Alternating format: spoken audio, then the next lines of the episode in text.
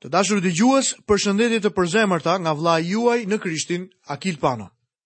Ju uroj mirëseardhjen në emisionin e sotëm dhe ju kujtoj që jemi duke studiuar në fjalën e Perëndisë së gjallë tek Ungjilli sipas Lukës në kapitullin e 22. Tema e këtij kapitulli që do të fillojmë ta studiojmë menjëherë është Jezusi planifikon darkën e Pashkës dhe themelon darkën e Zotit.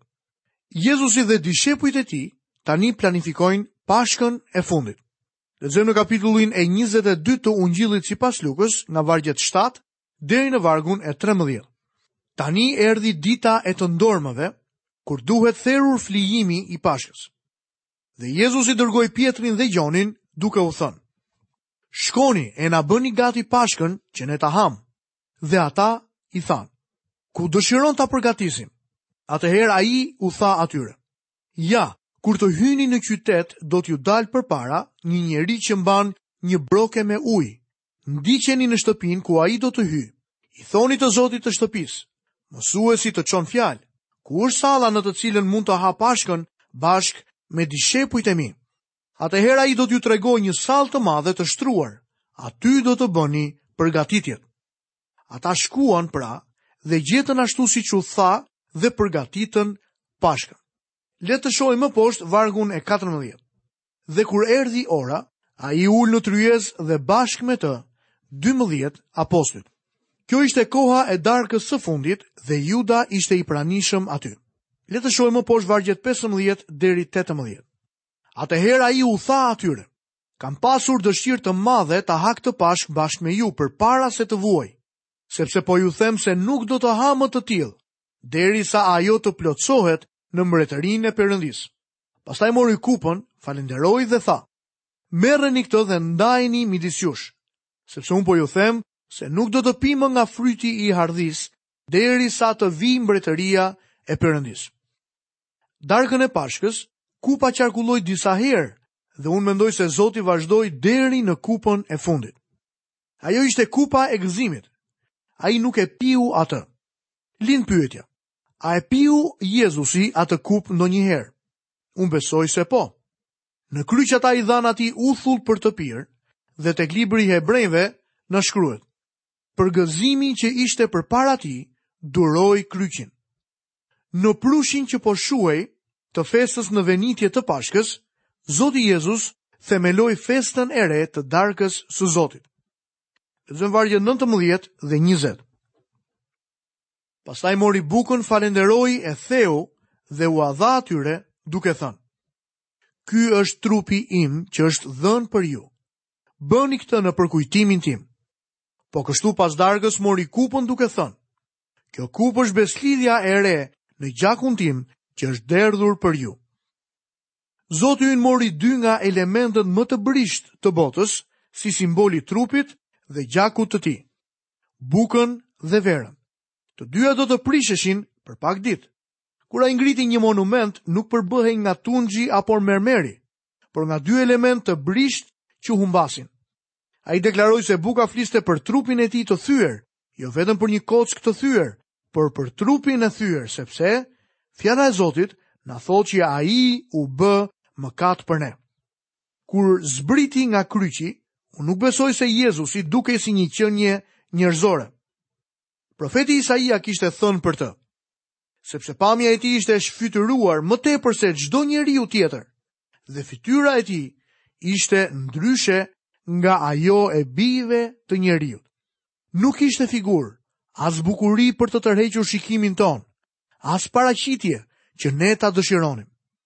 Të dashur miq, për shekuj të tërë festa e Pashkëve i është referuar ardhjes së Zotit dhe vdekjes së tij. Tani ai ndodhet nën hijen e kryqit dhe kjo është Pashka e fundit.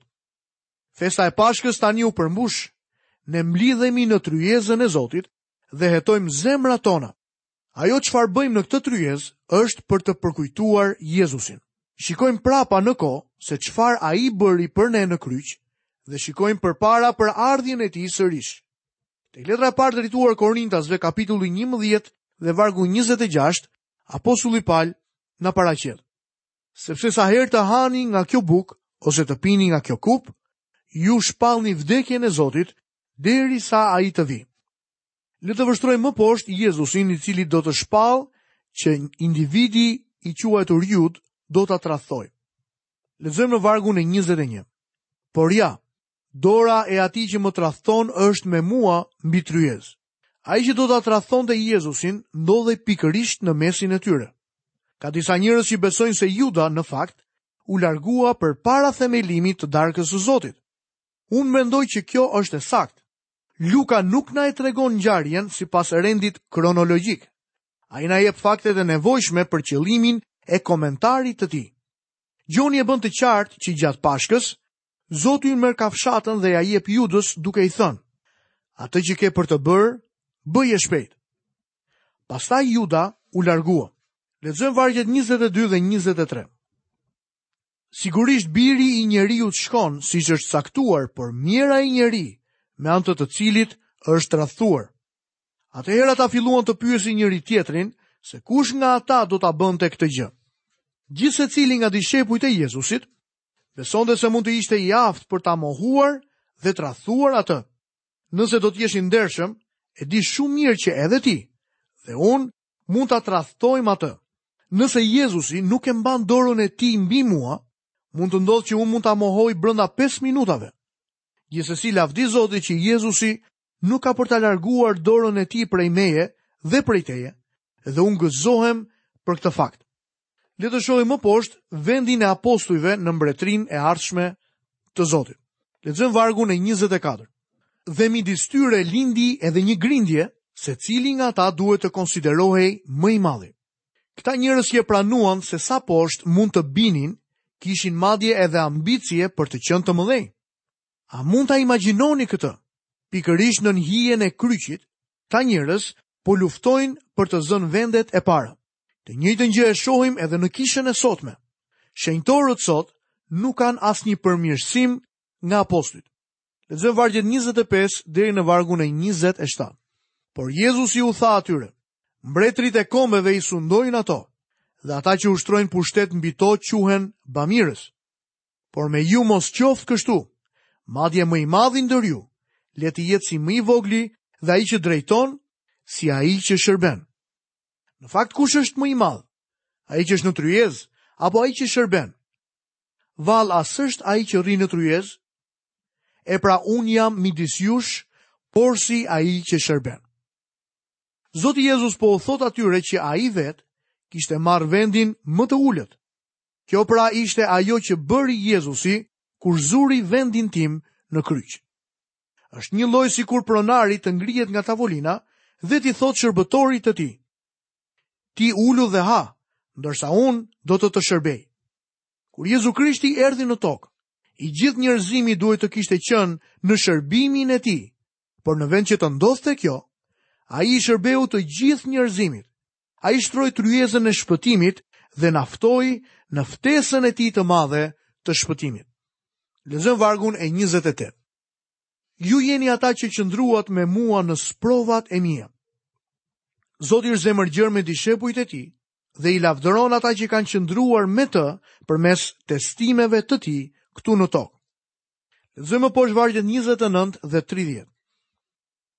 Dhe unë ju caktoj mbretërinë ashtu siç ma ka caktuar mua, ati im, që ju të hani dhe të pini në tryezën time, në mbretërinë time, dhe të uleni mbi frone për të gjykuar të 12 fiset e Izraelit. Unë jam i sigurt se apostujt do të kenë një vend special në mbretërinë e qiejve. Ata mbushën boshllëkun midis testamentit të vjetër dhe testamentit të ri. Ata erdhën nga struktura e testamentit të vjetër dhe u zhvendosën në strukturën e testamentit të ri. Unë dhe ti nuk ndodhemi në këtë pozitë sot. Asnjëri prej nesh nuk përshtatet në atë vend të veçantë, sepse kronologjikisht ata e mbushën boshllëkun. Atyre do t'u jepet një vend me rëndësi dhe jo vetëm që do të hanë dhe do të pinë në tryezën e Zotit, por do të ulen në frone dhe do të gjykojnë 12 fiset e Izraelit. Ky do të jetë pozicioni i tyre. Fëmija i perëndisë ka gjëra të mëdha të rezervuara për të ardhmen. Të shpenguarit do të zënë vende madhështore. Pyes veten nëse ti je duke punuar për një vend në qiell. Nuk e kam fjalën që duhet të punosh për shpëtimin tënd. Ti nuk punon për shpëtimin tënd, por për një vend në qiell. Ti shkon në qiell me anë të hirit të Zotit. por ti do të gjykohesh sipas veprave të tua për të parë se cili vend do të jetë i yti. A je i interesuar në veprat e tua të mira? Ti duhet të jesh. Besoj se e vetmja gjë që Perëndia do të gjykojë është shfrytëzimi i dhuratës që ai na ka dhënë.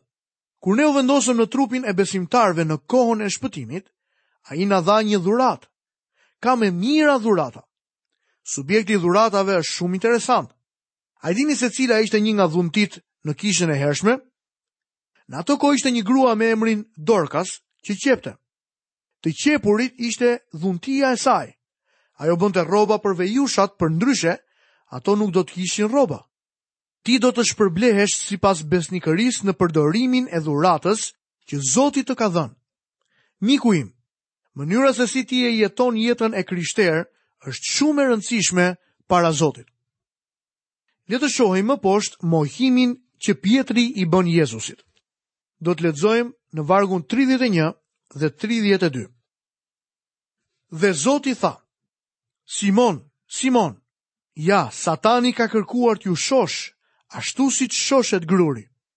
Por unë jam lutur për ty, që besimi yt të mos mpaket, dhe ti kur të jesh kthyer, forco vëllezërit e tu. Fjala kthyer në këtë pasazh nuk do të thotë kthim ashtu siç mund ta mendojmë ne. Zoti Jezus po flet për kohën kur Pjetri do të pësojë një ndryshim të zemrës dhe të mendjes dhe besimi i tij do të rritet. Në atë kohë një ndryshim i jashtëzakonshëm do të ndodhë tek Pjetri, që do ta bëjë atë të aftë të forcojë vëllezërit e tij. Zoti dinte që Pjetri do ta mohonte atë, prandaj i tha: "Unë jam lutur për ty, që besimi yt të mos mpaket." Zoti sot është ndërmjetësi ynë. Ai e di se kur lëviz drejt një vendi dështimi apo pengese? Nëse ti, miku im, i përket atij, ai tashmë është lutur që besimi yt të mos mpaket.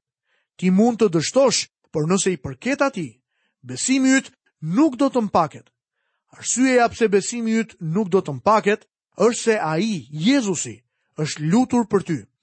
Çfarë pamje e mrekullueshme e dashurisë së Zotit! Tek Ungjilli sipas Gjonit, kapitulli 17 dhe vargu i 9, Zoti iu lut Atit. Unë lutem për ta, nuk lutem për botën, por për ata që më ke dhënë, sepse janë të tutë. Zoti Jezus nuk u lut për botën, ai vdiq për botën, dhe ti nuk mund t'i kërkosh atij të bëjë më shumë sesa kaq. Jezusi vdiq për botën, por ai lutet për të vetët, që të qëndrojnë ndërkohë që janë në botë. Zoti Jezu Krisht lutet për ty sot, Mund të ndodhë që ti nuk lutesh për vete, por Zoti Jezus është lutur për ty. Pjetri më vonë ishte i aftë për të forcuar vëllezërit. Njeriu që testohet është ai që është me të vërtetë i aftë për të ndihmuar të tjerët, madje edhe nëse ka dështuar dhe është kthyer sërish tek Zoti.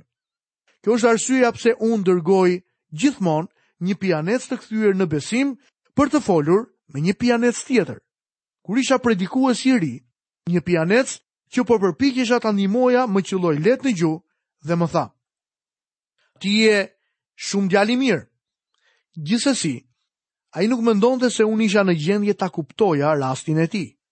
Ai kishte të drejtë. Unë nuk mund ta kuptoja dot. Gjeta një njeri që kishte qenë një pianec i vjetër endacak, para se të vinte te Krishti, dhe i kërkova që ta takonte.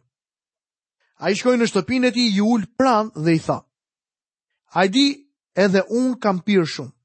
Jezusi më shpëtoi mua. Ai mund të të shpëtojë edhe ty. Dhe ndodhi që Jezusi e shpëtoi këtë njeri. Njeriu që e ka kaluar vetë atë eksperiencë, është ai që mund të ndihmojë më shumë. Vargu 33 Por ai tha, Zot, unë jam gati të shkoj bashkë me ty edhe në burg, edhe në vdekje.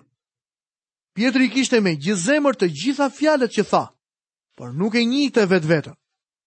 Shumë prej nesh nuk e dinë se sa të dobët jemi. Le të shohim vargun e 34. Por Jezusi tha, Pjetër, unë të them se sot gjeli nuk do të këndojë, para se ti të më kesh mohuar tri herë se më njeh. Simon Pjetri, thjesht nuk arrinte të besonte se mund të mohonte Zotin e tij, por në fakt e mohoi atë përpara se të agonte. Le të shohim më poshtë, Jezusin i cili paralajmëron dishepujt për të ardhmen. Lexojmë në vargun e 35. Pastaj u tha atyre, kur ju dërgova pa trasta, pa thes dhe pa sandale, vallë, a ju mungoi gjë? Dhe ata thanë, asgjë. Është e mrekullueshme mënyra e sigurimit të gjithçkaje për dishepujt gjatë periudhës kur u dërguan nga Zoti tek delet e humbura të shtëpisë së Izraelit. Ai po i dërgon ata me një mision dhe një mesazh të ri. Ata në fakt do të kenë një audiencë të re, sepse nuk do të kufizohen vetëm në Izrael, por do të mbartin atë mesazh në të gjithë botën. Lexojmë vargun 36. U tha pra atyre: Po tani kush ka një trastë le ta marrë me vete. Dhe po kështu thesin: Dhe kush nuk ka shpatë, le të shesë rrobën e vet e ta blejë një. Është më mirë të bësh gati valixhet dhe çekun tënd të udhëtimit, nëse do të dalësh për të predikuar ungjillin e Zotit Jezu Krisht. Bën mirë që të përgatitesh për të mbrojtur veten dhe të dashurit e tu. Ne po jetojmë në ditë të vështira. Zoti tha, kush nuk ka shpatë, le të shesë rrobën e vet dhe ta blejë një. Pse? Sigurisht për vetëmbrojtje. Ne duhet të pranojmë këtë fakt. Nëse nuk i rezistojmë sot të ligut, të gjitha llojet e të këqijave do të bien mbi ne. Ne mund të përfundojmë në spital ose ndonjë prej të dashurve tanë mund edhe të vdesë. Lexojmë vargun e 37. Sepse unë po ju them, se çfarë është shkruar duhet të plotësohet ende në mua, dhe ai është radhitur ndër keqbërësit, sepse ato gjëra që janë shkruar për mua do të kenë kryerjen e tyre. Kur armiqtë e Zotit Jezu Krisht e çuan atë në vdekjen e kryqit, kjo përfundoi pagesën e tij për mëkatet e botës. Le të vështrojmë më poshtë në vargun e 38. Atëherë ata thanë, Zot, ja këtu dy shpata, por ai u tha atyre, mjaft. Të dashur miq, këtu kemi mbërritur dhe në fundin e emisionit të sotëm. A nuk është e mrekullueshme fjala e Zotit të gjallë? Jam mirënjohës Perëndisë që keni qëndruar së bashku me mua përgjatë minutave të emisionit të sotëm dhe ju kujtoj që studimin tonë me ungjillin e Lukës do ta vazhdojmë në emisionin e ardhshëm. Nga vëllai juaj në Krishtin Akil Pano, keni të gjitha bekimet dhe paqen e Perëndisë në jetën tuaj.